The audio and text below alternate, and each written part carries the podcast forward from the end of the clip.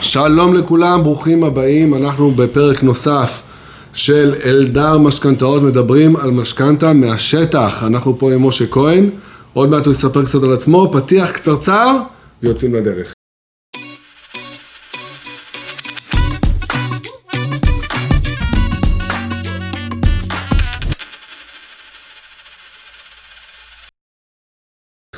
אז בוקר טוב לכולם, צהריים טובים, ערב טוב, מתי שאתם רק לא מקשיבים לזה. אני פה עם משה כהן. משה, לפני שאנחנו מתחילים, איזה חצי דקה, דקה על עצמך, למי שלא מכיר אותך. אה, אני משה כהן, עבדתי כ-35 שנה בבנק לאומי, הייתי שם מנהל אגף אשראים בנושא המשכנתאות, ידע וניסיון בנושא המשכנתאות וייעוץ משכנתאות, מפה עד להודעה חדשה, וכל עצה לדעתי שווה. מה זה אומר, אה, מכאן עד להודעה חדשה? מה עשית מכאן בבנק? חדשה, אני בתקופה הזאת ראיתי את כל העסקאות האפשריות ומה כדאי יותר לקחת במסלולי הלוואה, מתי לקחת את המשכנתה, באיזה תאריך למשוך את הכסף, כלומר יש כל מיני אלמ- אלמנטים שבעת לקיחת משכנתה צריך להביא בחשבון, א', מה המסלולים שלוקחים, האם לבצע משכנתה בשלב הזה או בתאריך האמור, וגם בכלל לראות, לבנות את המשכנתה המתאימה לכל, לכל לווה ולווה מבחינת תזרים מזומנים בעתיד, תוכניות שמשתחררות, לא משתחררות, מה לעשות בעניין הזה, וגם מעבר לזה לתת ייעוץ להמשך הדרך. הייתי אומר שגם יש לך מספיק אה, שנים, כמה עשורים, של פרספקטיבה של אה, כל מיני אה, שינויי שוק, של שוק עולה, שוק יורד. נכון, נכון. אני, אני בתחום המשכנתאות כבר נמצא מ-1988, שהתחלתי לפני זה לעבוד, ב, הייתי עובד משרד השיכון, עם רקע של זוגות צעירים והוצאות תעודות זכאות של משרד השיכון וזכאות של משרד השיכון, ודרך אגב, להערכתי, להערכתי, ואני חושב שזה מה שיקרה, המדינה תלך למצב של הנפקות תעודות זכאות, כי במקרה שקורה כרגע עכשיו, היות והריביות עלו, יהיה כדאי לקחת הלוואות זכאות של משרד השיכון, כי הן יהיו בהכרח יותר זולות ומסובסדות. אז, אז אגב- עכשיו אתה מוביל אותי לשאלה הראשונה. אנחנו קוראים כרגע בכותרות שה, שיש קיפאון בשוק, שהמכירות יורדות, שאנשים מפחדים לקחת משכנתאות. מה אתה אומר, האם כדאי היום לקנות דירה?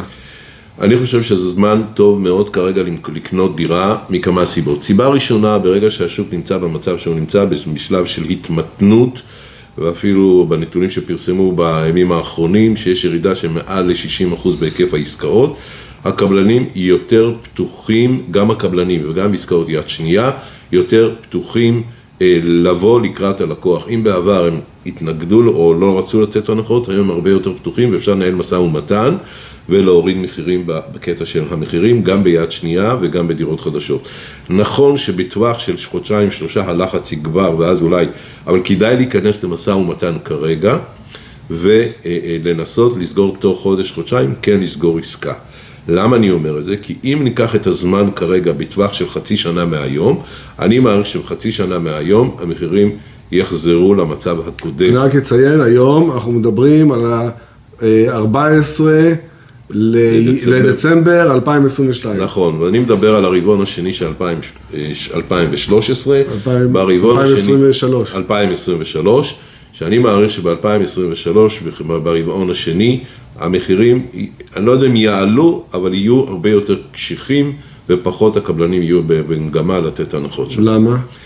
כי מסיבה אחת פשוטה, קודם כל ההיצע והביקוש נשאר באותו היקף. כלומר, אם ניקח היום את הזוגות הצעירים ואת הרוכשים שלא רוכשים וירדו קרוב ל-60% מהרכישות, כל אלה יחזרו לשוק, הם כרגע עלו לגדר והם יחזרו לשוק. היקף הדירות והיצע הדירות נשאר אותו דבר, לא גדל.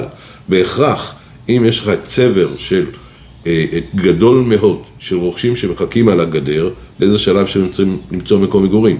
והם יחזרו לשוק, אני מעריך, ברבעון השני של 23, ובהכרח התוצאה תהיה, א', של אה, אה, מחיר- מחירי הדירות יישארו באותה רמה, ואולי טיפה יעלו גם. אז אם ככה, האם זה זמן טוב לקחת משכנתה? אוקיי, גבוהות? השאלה, אוקיי, הריביות גבוהות, וגם פה אני אומר, גם זה זמן לקחת משכנתה, תוך אה, אה, חישוב נכון של יכולת ההחזר של אותו זוג צעיר או אותו רוכש, לראות יכולת החזר. נכון הוא שהיום הריביות גבוהות, אבל אם ניקח במסלול מסוים, שהוא נקרא מסלול הפריים, שבו נגיד בנק ישראל העלה את הריביות, וכנראה שהוא יעלה עוד טיפה את הריביות, התוצאה של המצב הזה הוא חישוב יחס החזר של במצב שהכי גרוע יכול להיות. כלומר, אתה לוקח הלוואה בריבית גבוהה, בהכרח הצפי בטווח של עוד פעם יוני 23, שהריביות ירדו. לא ירדו לרמה שנהוגה, שהייתה נהוגה בעבר, הריביות ירדו. כלומר, אם נחשב את יכולת ההחזר לפי הריביות הגבוהות האלה, רק מצבו של אותו רוכש ישתפר, כי אם הריבית, והיא צפויה לרדת, ברבעון, השני של 2023 או רבעון השלישי של 2023 זה ישפר את מצבו. עכשיו, גם במצב של מסלול הפריים שכדאי לקחת אותו, מסיבה אחת פשוטה, נכון שהוא ריבית יותר יקרה, אבל בהשוואה למסלולים החלופיים, כגון ריבית קבועה צמודה, או כגון ריבית קבועה לא צמודה, הריבית היא אותו דבר בסך, בסך הכל. אבל מה עדיף בפריים?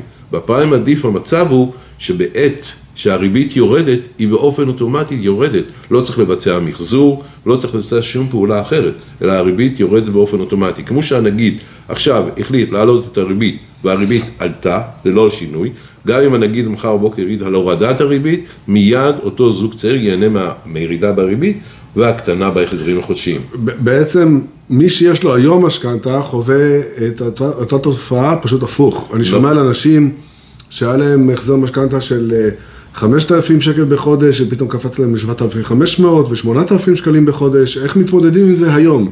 תראי, אני אגיד ככה, זה נכון, זה מה שקרה, שלקחו את ההלוואות בריביות, ואני אתן רק דוגמה אחת פשוטה, ונשאלתי על זה, האם היה כדאי לי לקחת בריבית קבועה, או לקחת בפריים לפני 4 או 5 שנים. אז התשובה היא חד משמעית שהיה כדאי לקחת בפריים, למרות עליית הריביות, ואני אסביר את זה. כי אם באותו מעמד שלפני 4-5 שנים לקחנו שני שליש בפריים ושליש בקבועה נגיד לא צמודה, אז מה, מה הריביות היו? אז נכון שבפריים הייתי מקבל מינוס חצי, המשמעות היא ריבית של 1-1. אבל בריבית הקבועה הלא צמודה, לאותה תקופה הייתי משלם קרוב ל-4%. עכשיו בואו ניקח את ה-4-5 שנים האלה, במקום לשלם 1-1 הייתי משלם 4%, כלומר הייתי מהוון או מהוון את הריבית לאותה תקופה, כלומר זה רווח נקי שלא הייתי מקבל אותו, הייתי משלם אותו מראש. ולכן לכל הדעות, אני דעתי, לא, לא לכל הדעות, לדעתי, נכון היה לקחת במסלול הפריים, כי מסלול הפריים הוא מסלול נזיל, אבל היתרונות שלו שגם במחזור וירידת ריבית היא אפשרית, כך שגם אם הולכים היום ולוקחים בריבית הפריים, בוא ניקח שנקרא היום את ריבית הפריים ונשווה אותה לריבית הקבועה, היא פחות או יותר אותו דבר. כלומר, אם תגידו לי, בוא ניקח... בטווח של הרבה שנים. נכון. אני אקח עוד, עוד, עוד דבר אחד. זאת אומרת, אסור להסתכל על דברים נקודתית, ממש רק ברמת uh, מה קורה איתי היום, אני צריך להסתכל על דברים uh, לטווח ארוך יותר. נכון. עכשיו בוא ניקח, בוא ניקח מצב של היום. אם אני אגש היום, יש חלק מהזוגות הצעירים שואלים אותי, רגע, אולי כדאי לי עכשיו למחזר את הפריים לריבית קבועה? התשובה היא שלילית, מסיבה אחת פשוטה. אתה תקבע את עליית הריבית שלך, וכשהריביות יתחילו לרדת, אתה תשלם גם עמלת פירעון מוקדם על הריבית הקבועה. חבל על הזמן, חבל. ולכן, במצב הזה של זוגות צעירים, שהגיעו למצב הזה של עליית הריבית, מה שהייתי מציע לעשות יש שתי אפשרויות. אפשרות אחת, לנסות להצטמצם קצת ולחכות עד שיעבור הגל, כי הגל הזה יעבור. פה אתה מדבר על משכנתות חדשות או על משכנתות קיימות? אני מדבר על משכנתות, אני שאלת אותי את השאלה. קיימות. זה, קיימות. אני הייתי ממליץ לאנשים כרגע לנסות לספוג את העלייה, אני יודע שזה קשה, זה לא פשוט, אבל לנסות לספוג את העלייה הזאת, כי בטווח של, מעריך, רבעון שלישי 2023, המצב לא יחזור לקדמותו, אבל ההחזרים יקטנו. זה אחד. דבר שני שאפשר לעשות, זה למחזר את ההלוואה. מה הכוונה למחזר את ההלוואה? לפרוס את ההלוואה לתקופה ארוכה יותר. כגון, אם לקחתי הלוואה ל-15 שנה, או נותר לי 15 שנה ליתרה לסילוק, אז אוקיי, אז אני יכול למחזר אותה ולפרוס אותה לתקופת 30. אבל בעת המחזור הייתי נשאר במסלול הפריים, ולא עובר למסלול קבוע. כי ברגע שאני אעבור למסלול גבוה, הנזק שלי יכול להיות בעתיד הרבה יותר. אז לסיכומו של עניין, אסור להיבהל, לא להסתכל על דברים ברמה הנקודתית, בתזרים החודשי, חודש בחודשו, אלא להסתכל על זה בטווחי זמן של חמש עד עשר שנים, נכון, ושם הרווח האמיתי. נכון, הרווח האמיתי הוא שם. אז אם ככה, אנשים שהיום צריכים לקחת משכנתה, מה לדעתך המסלולים הנכונים לקחת משכנתה? אני אומר ככה, קודם כל אמרתי, אמרתי קודם על קטע של רכישה שזה זמן טוב לנהל משא ומתן עם קבלן ולהשיג את המחיר הטוב ביותר ולקחת את המסלולים, אני הייתי כרגע לוקח שני שליש במסלול ריבית הפריים, שהרגולציה מאפשרת את זה, בנק ישראל מאפשר את זה, שני שליש במסלול הפריים ושליש הייתי לוקח במסלול קבוע לא צמוד. קבוע לא זה, צמוד. אבל מה זה אומר? במסלול הפריים הוא ישלם יותר מהקבוע לא צמוד? לא, בריבית זה אותו הריבית, הריבית שיוצאת שם אותה ריבית, קבועה. אבל השינוי יהיה אבל השינוי. כן, הסיכון, בוא נאמר, לבוא ולהגדיר מה הסיכון, שיכול להיות שהנגיד ימשיך וימשיך ויעלה, אבל אני חושב שהוא הגיע לגבול מסוים, העלייה תהיה עוד קצת, והמדדים יעצרו, ואז בהכרח גם הריבית תרד. מה גם, נגיד עוד דבר, כרגע הצמיחה לשנה הבאה, בנק ישראל הקטין את זה לשלושה אחוז, בהכרח אם זה שלושה אחוז, אז בהכרח גם הריבית תרד, וגם המדדים ירדו, וגם הריבית תרד, זה אחד קשור אחד בשני. אוקיי, אז אין ספק שזה היה נועז מאוד להעריך את השוק לעתיד, אבל אתה בא מהמון ניסיון. בוא, בשביל מי שהקשיב ולא הבין על מה, על מה אנחנו מדברים בכלל, נעשה פרק נוסף, נבין מה זה פריים, נבין איך לוקחים משכנתה, ותודה שהיית איתנו. תודה תודה רבה. לכם, מאזינים יקרים. תודה. זה היה פרק נוסף של אלדר משכנתאות, מדברים על משכנתה מהשטח.